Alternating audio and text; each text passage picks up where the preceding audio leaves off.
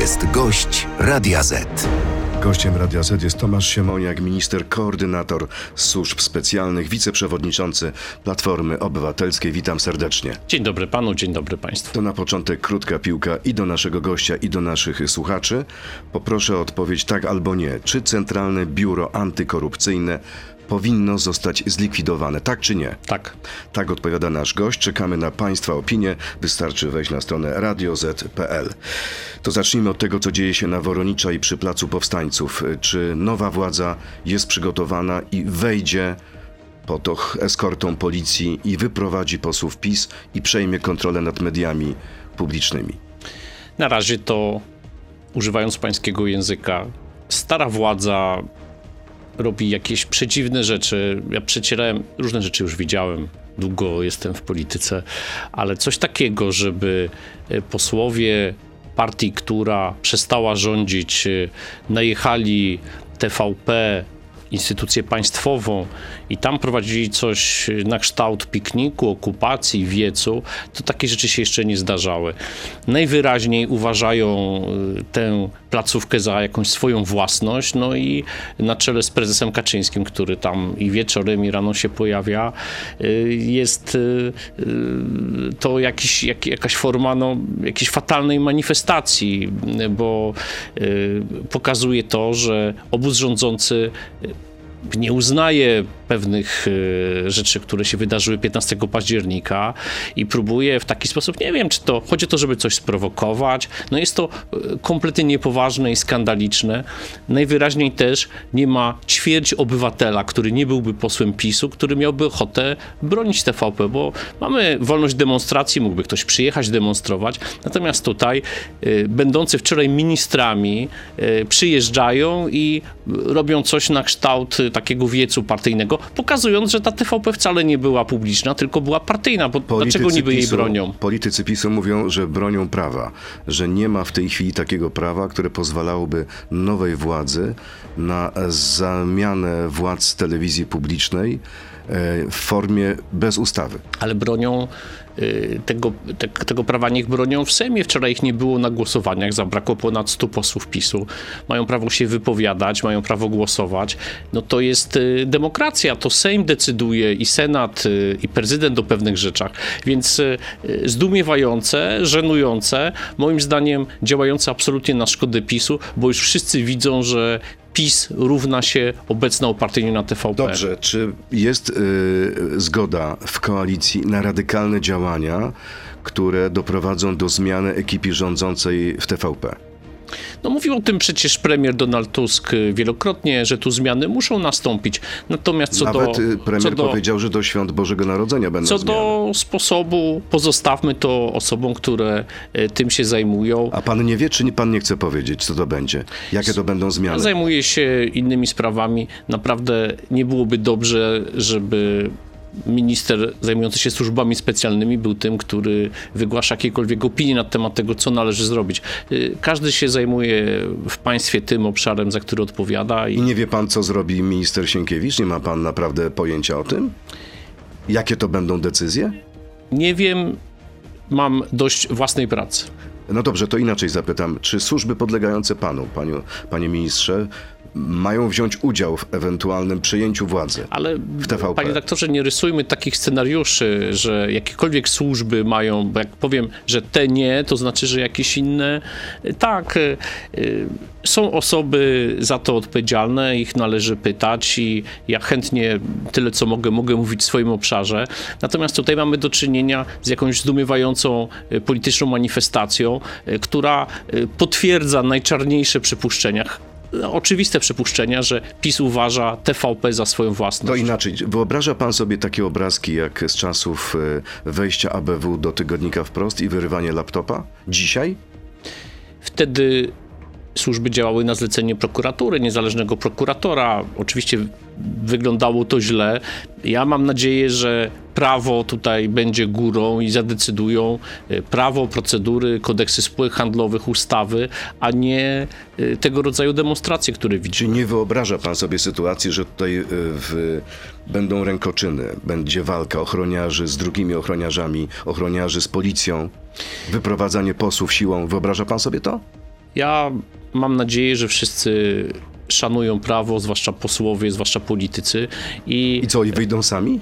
ja tego nie wiem, no proszę zobaczyć, Antoni Macierewicz nakrzyczał, nabiegał, powiedział, że podkomisja będzie działała jeszcze długo i on nie uznaje tej decyzji, po czym stulił uszy po sobie i się zabrał z podkomisją, tak? E, Panie ministrze, a czy sądzi pan, bo o 11.30 idzie pan e, na Radę Bezpieczeństwa Narodowego, że to będzie również temat rozmowy z prezydentem? Bo prezydent wyraźnie sprzeciwił się tej uchwale wczorajszej.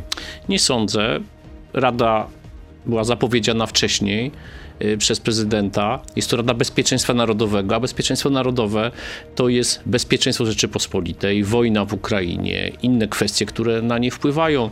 Y, Oczywiście nikt nie ogranicza prezydenta ani uczestników w wypowiadaniu się na różne tematy, natomiast y, y, myślę, że y, mało prawdopodobne jest, żeby Rada Bezpieczeństwa Narodowego miała być takim forum y, bieżącej polityki. To by było źle. To przechodzimy do pańskiej działki. Jak, w jakim stanie zastał pan służby specjalne? Wczoraj premier odwołał dotychczasowych szefów służb, powołał pięć y, nowych osób. Y, Jednym z ich zadań jest taki audyt, ocena tego, co się dzieje w środku, y, więc za wcześnie jest, żeby o tym mówić. Czyli wszystko tym- zostanie prześwietlone. poza tym, E, Wyniki tego audytu, kiedy można spodziewać się ich? To są, panie redaktorze, służby specjalne. One wymagają ciszy i są procedury oceny. Jest też Sejmowa Komisja Służb Specjalnych, która obraduje w trybie niejawnym.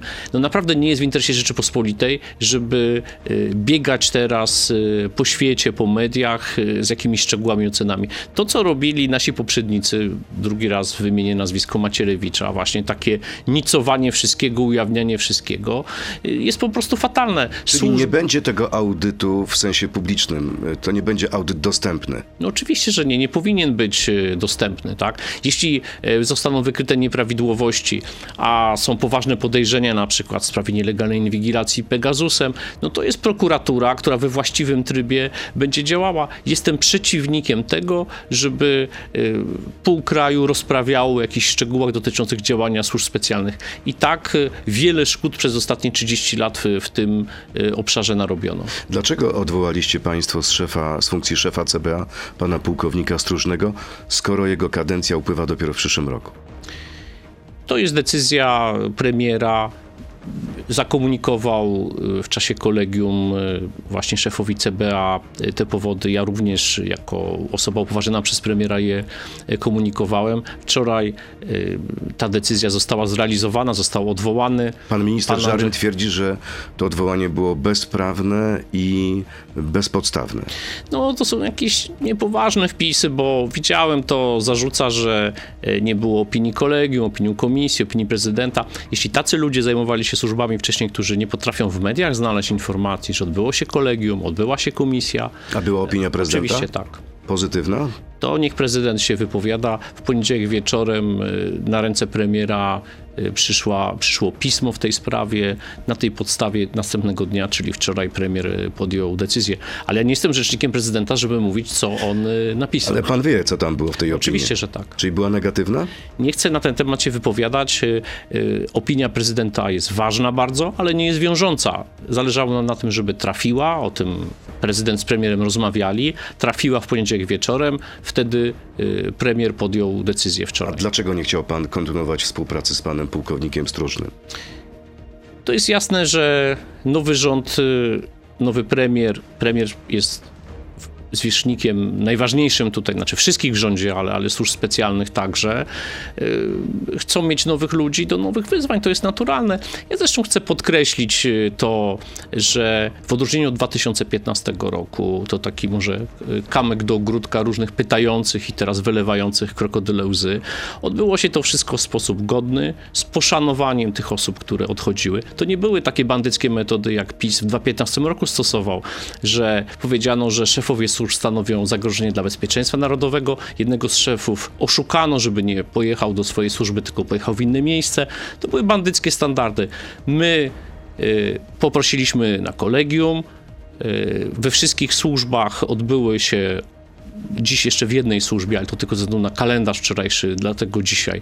Odbyły się godne pożegnania i przekazania e, ze sztandarami, tam gdzie służby mają sztandary, więc e, naprawdę dopełniliśmy wszystkich procedur i nie robimy takich rzeczy, jak robili e, nasi poprzednicy. Kadencję Pawłowi Wojtunikowi przerwano, opluto go, atakowano jego rodzinę, wzywano jego córkę, odebrano mu poświadczenia, y, więc y, naprawdę y, niech siedzą cicho ci, którzy próbują teraz cokolwiek zarzucać. No. To teraz pora na e, trzy kolejne krótkie piłki. Służby dokładnie prześwietlą Grzegorza Brauna, tak czy nie? Tak czy nie? To nie jest tak, że minister koordynator w radiowym studiu będzie tutaj rozdzielał razy. Ta sprawa wymaga badania, y, badania przez służby, Okej. jak wszystko, co szkodzi Rzeczpospolitej. Funkcjonariusze służb zasłużyli na podwyżki. Tu już jest prosta odpowiedź, tak albo nie. Tak. Donald Tusk na prezydenta, tak czy nie? To nie jest taka prosta sprawa. Ja Też jak, prosta jest, panie ministrze. jak najlepiej Jest życzę. prosta. Ale to, to Tak musi- czy nie? Znaczy ja pracuję z Donaldem Tuskiem od ponad 30 lat i A Donald Tusk może tego słuchać. y, nie wiem, czy tego słucha. Jeśli słucha, y, serdecznie, przyjacielsko go pozdrawiam. Uważam, że ma wszelkie kwalifikacje na prezydenta, ale to jest jego decyzja. Okej, i mamy opinię również naszych y, słuchaczy. Czy Centralne Biuro Antykorupcyjne powinno być zlikwidowane? Tak odpowiedziało 60% uczestników. Sądy na ten moment nie odpowiada 40%. Przechodzimy A mogę teraz. skomentować to? Tak, oczywiście, ale w części internetowej Dobrze. zapraszam Państwa na Radio internetowo. Z.pl, Facebooka i YouTube'a. To jest gość Radia Z. I bardzo proszę Pański komentarz. Y, Odpowiedź była taka, tak nie, natomiast to jest oczywiste, że likwidacja CBA to nie oznacza końca walki z korupcją. Z nią trzeba walczyć, trzeba tylko przyjąć nowe narzędzia i mam okazję o tym mówić, jak ja to widzę, że ABW, które zresztą y, w swoich kompetencjach ustawowych ma walkę z korupcją na kierowniczych szczeblach, policja, gdzie powinna powstać specjalna struktura i Krajowa Administracja Skarbowa, gdzie oświadczenia majątkowe, zeznania podatkowe polityków i tych wszystkich, którzy składają oświadczenia, powinny być analizowane.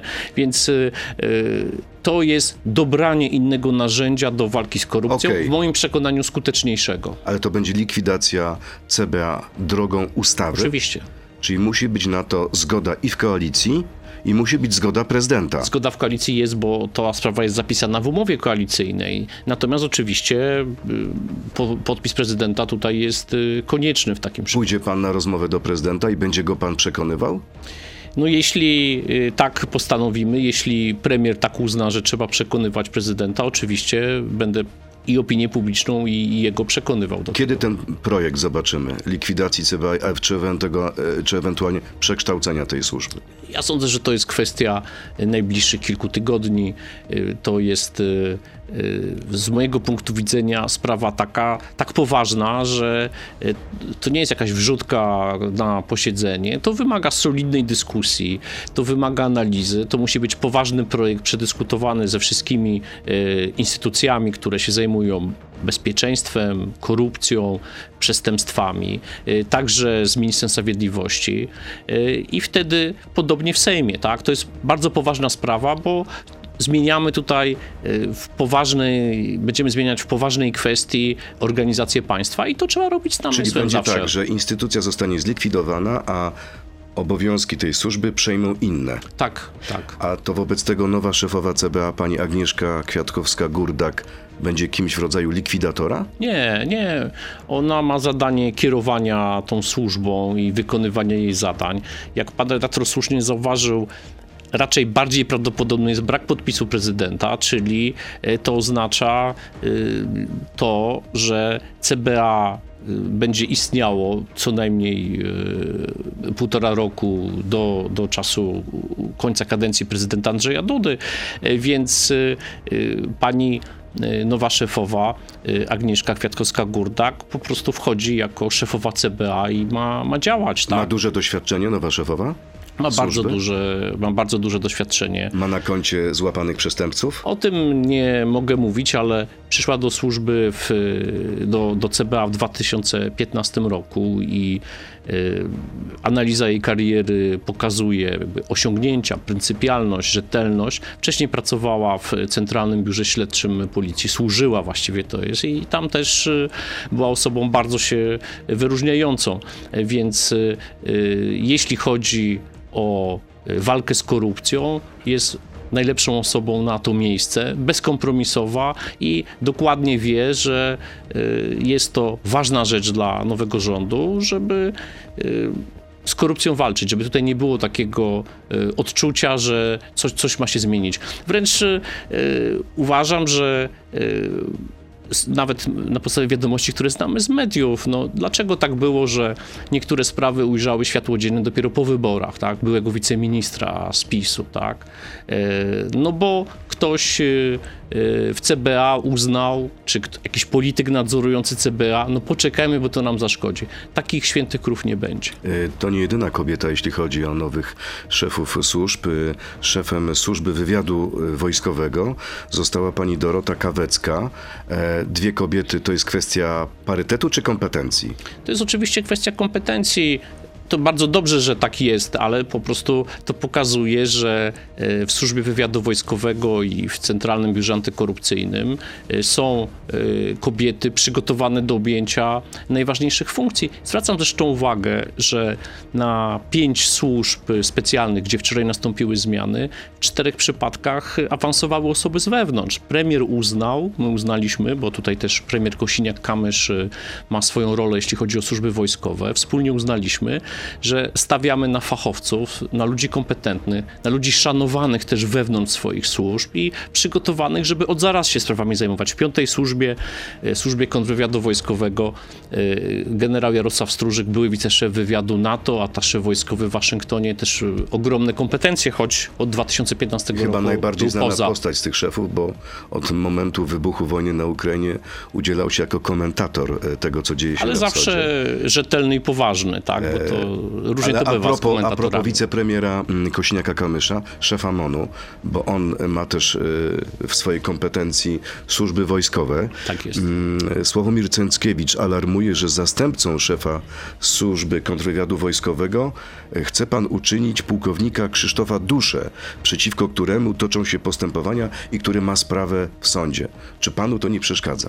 No, pan Cęckiewicz to i na mój temat i premiera Tuska ogłosił, że nie możemy sprawować funkcji związanych z bezpieczeństwem państwa.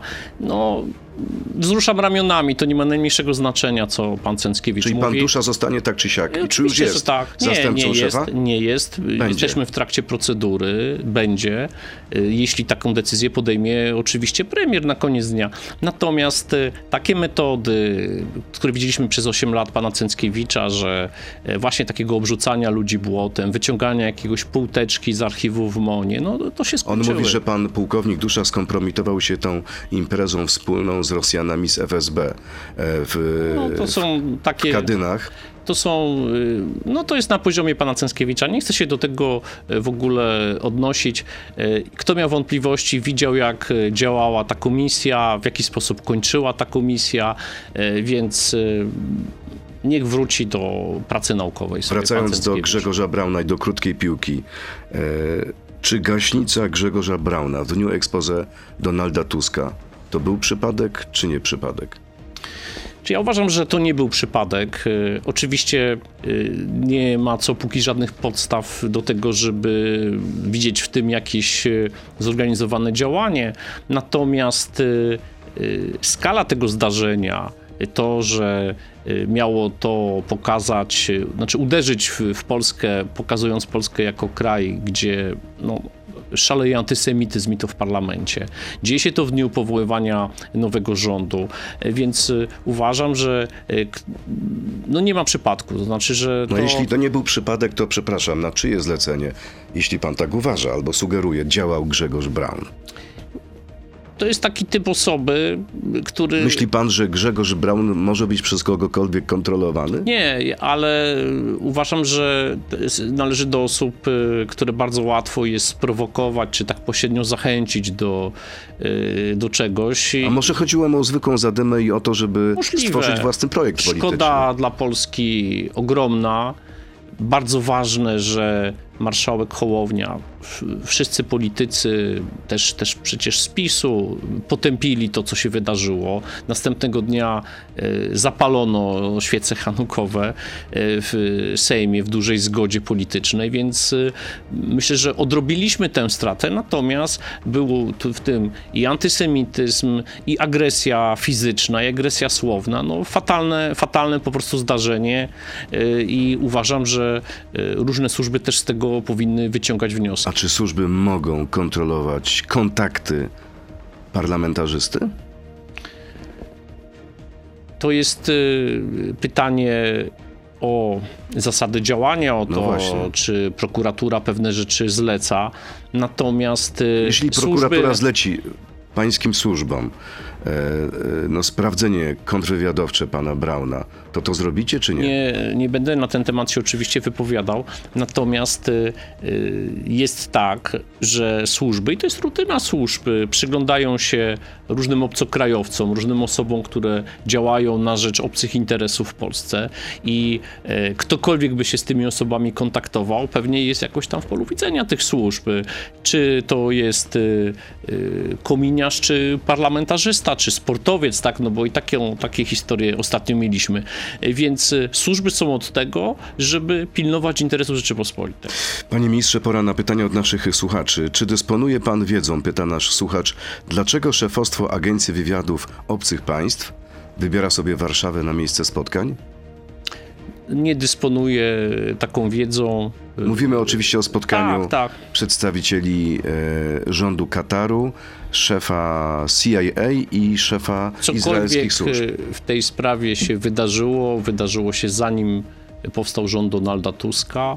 Czyli zgody na to spotkanie udzielił rząd Morawieckiego? Tego nie chcę mówić, natomiast y, y, wszelkie y, ustalenia, y, jeśli takowe były, odbywały się przed powstaniem rządu premiera Donalda Tuska. Ale to dobrze, że Polska się zgodziła na to, żeby być takim miejscem? Nie chcę tego y, komentować. Y, To jest tak, że y, to, co wie opinia publiczna w takich kwestiach, to nie, to nie jest wszystko, to nie jest cała wiedza. Czyli chodziło o I- coś więcej niż tylko kwestię Ja uwolnienia chcę więźniów? powiedzieć, że są interesy naszego państwa i one czasem wymagają takiego działania i nie chcę w tego jakoś... Czyli pan nie kwestionuje decyzji podjętych przez poprzedni rząd w tej sprawie? Nie kwestionuję tych decyzji, bo zdaję sobie sprawę z tego, że rzeczywistość jest y, bardziej skomplikowana niż to, że y, informacja, taka zresztą informacja, y, ona z zagranicy wyszła, to nie z Polski, to nie z polskich służb, które oczywiście tutaj miały naturalną wiedzę i współpracowały. Nie stamtąd, znaczy nie stąd ta informacja wyszła, więc... się spotkał z, z szefem CIA i panem Barnesem. Tak jest. I co panu powiedział na temat wyniku tych rozmów? Nie będę na ten temat y, nic mówić. y, Ale optymistycznie czy y, pesymistycznie? Nie, nie, nie, będę na ten temat nic mówić. Przekazaliśmy komunikat na temat mojego spotkania i główne tematy dla mnie i głównymi tematami tej rozmowy to było bezpieczeństwo Polski, to co się dzieje w Ukrainie, szczyt NATO, współpraca naszych służb specjalnych. Oczywiście kwestie bliskowschodnie są bardzo ważne dla świata i dla Stanów Zjednoczonych, no ale my jesteśmy od tego, żeby pilnować naszego bezpieczeństwa. No I to dobrze. były główne tematy Czy rozmowy. se- szef CIA powiedział panu, panie ministrze, szykujcie się na trudne miesiące, bo Ukraina może przegrać tę wojnę, bo jest źle na froncie ukraińsko-rosyjskim. Ma ogromną wiedzę. Myślę, że z administracji amerykańskiej największą, bo jest często na Ukrainie, rozmawia z prezydentem Zeleńskim. Natomiast y, proszę pozwolić, y, i też się zwracam do słuchaczy, na to, że jednak y, pewne rzeczy zostają y, między rozmówcami. Dlatego to jest dyrektor CIA, y, że y, dba o dyskrecję swoich rozmów. y, To i- zapytam inaczej. Czy w świetle informacji, które pan posiadł przez te kilka dni, mamy się czego obawiać w tym względzie? że Rosjanie lada moment staną na granicy polsko no, zamiast ukraińskiej. Mamy się czego obawiać od momentu, kiedy ta wojna wypuchła, bo politycy odpowiedzialni za bezpieczeństwo naszego państwa są zawsze od przygotowania złych scenariuszy, a nie od y, y, takiego patrzenia przez różowe okulary. Natomiast y, y jak najdalsi powinni być od jakiegoś straszenia opinii publicznej czy wykorzystywania tej wiedzy. Musimy robić wszystko, żebyśmy byli bezpieczni. I o tym była rozmowa, to znaczy nie ciekawość, co będzie, tylko co możemy zrobić dla bezpieczeństwa No to jedną polskiego. informację może pan nam zdradzić. Jak długo trwała pańska rozmowa z panem Barnesem? No, trwała nieco mniej niż godzina ta rozmowa. Kolejne pytanie od naszego słuchacza. Poproszę o krótkie odpowiedzi, bo jest sporo pytań. Czy nowy rząd będzie korzystał na przykład z polskiego systemu łączności szyfrowanej KATEL? Czy CATEL, czy dalej w użytku będą prywatne maile i komunikatory łatwo dostępne dla innych służb?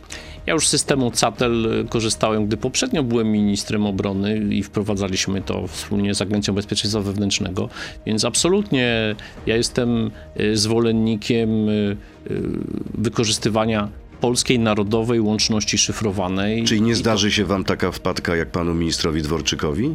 No to nie, to jakaś wielka wpada była, bo to było po prostu masowe korzystanie z prywatnych maili przy sprawach państwowych, czasami niejawnych. E, absolutnie nie wyobrażam sobie takiej sytuacji. używania tego systemu CATEL byłoby to możliwe? No nie, oczywiście, że nie. Ja sądzę zresztą, że gdyby minister Dworczyk z premierem Morawieckim wykorzystywali rządową pocztę po prostu kaperem gov, e, to by też to nie było możliwe. Natomiast natomiast oni świadomie chcieli prywatnie korespondować, bo uważali być może, że i, i, jak widać, jak pamiętamy te teksty, mieli rację, że to jest dalekie od rządowej powagi to, o czym do siebie piszą. Kolejne pytanie. Czy zgadza się pan z generałem Bondarykiem, że służby są w Polsce obecnie fasadowe i niezdolne do działania?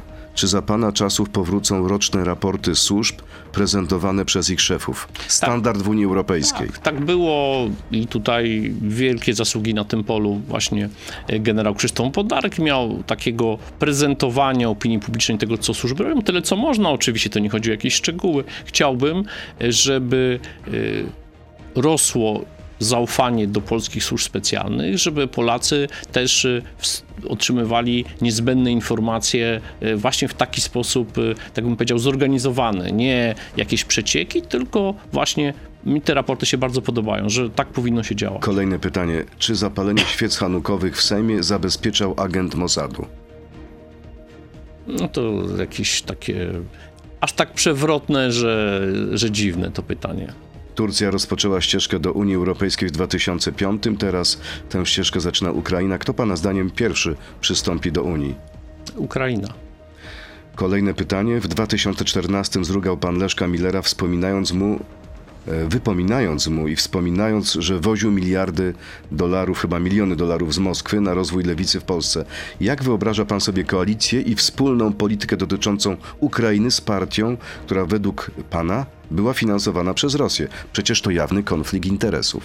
No, Ludzie pamiętają. Ja nawet już nie pamiętam, żebym miał rugać e, premiera Leszka Millera, którego lubię, szanuję, z którym mam okazję czasami rozmawiać, e, więc e, to pokazuje, jak ogromną drogę przeszły osoby który byliśmy po dwóch stronach barykady. Pan nie Miller... pamięta pan już y, mu tej pożyczki moskiewskiej? No nie, no bo to by trzeba, można wracać do tysiąca historii sprzed, y, sprzed 30 lat. Y, pamiętajmy, Aleksander Kwaśniewski, Leszek Miller to są osoby, które prowadziły Polskę do Unii Europejskiej, były wtedy pre, najważniejszymi osobami, prezydentem, premierem, wejście do NATO, y, bardzo proamerykańska, transatlantycka polityka Leszka Millera. Dziś mogę o nim mówić y, tylko dobrze. Natomiast y, grzechy przeszłości, no, no, no, no, wyjaśniał je i tutaj myślę, że e, naprawdę e, nie wiem ile lat ma słuchacz, który o to pyta, ale 30 lat to jest ogromnie dużo. Druga Rzeczpospolita trwała 21 lat, a my już cieszymy się niepodległością i wolnością 32 e, lata, więc wypominanie czegoś sprzed lat wydaje mi się Kolejne już... pytanie.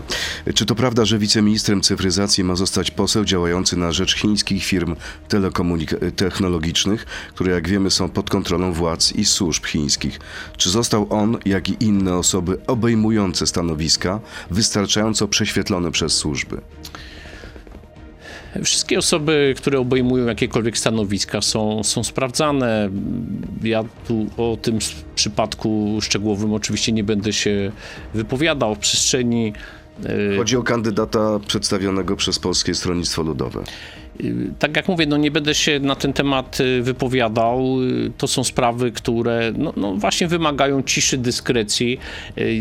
Ale Służby czy wszyscy ci wiceministrowie, ministrowie zostali prześwietleni przez służby?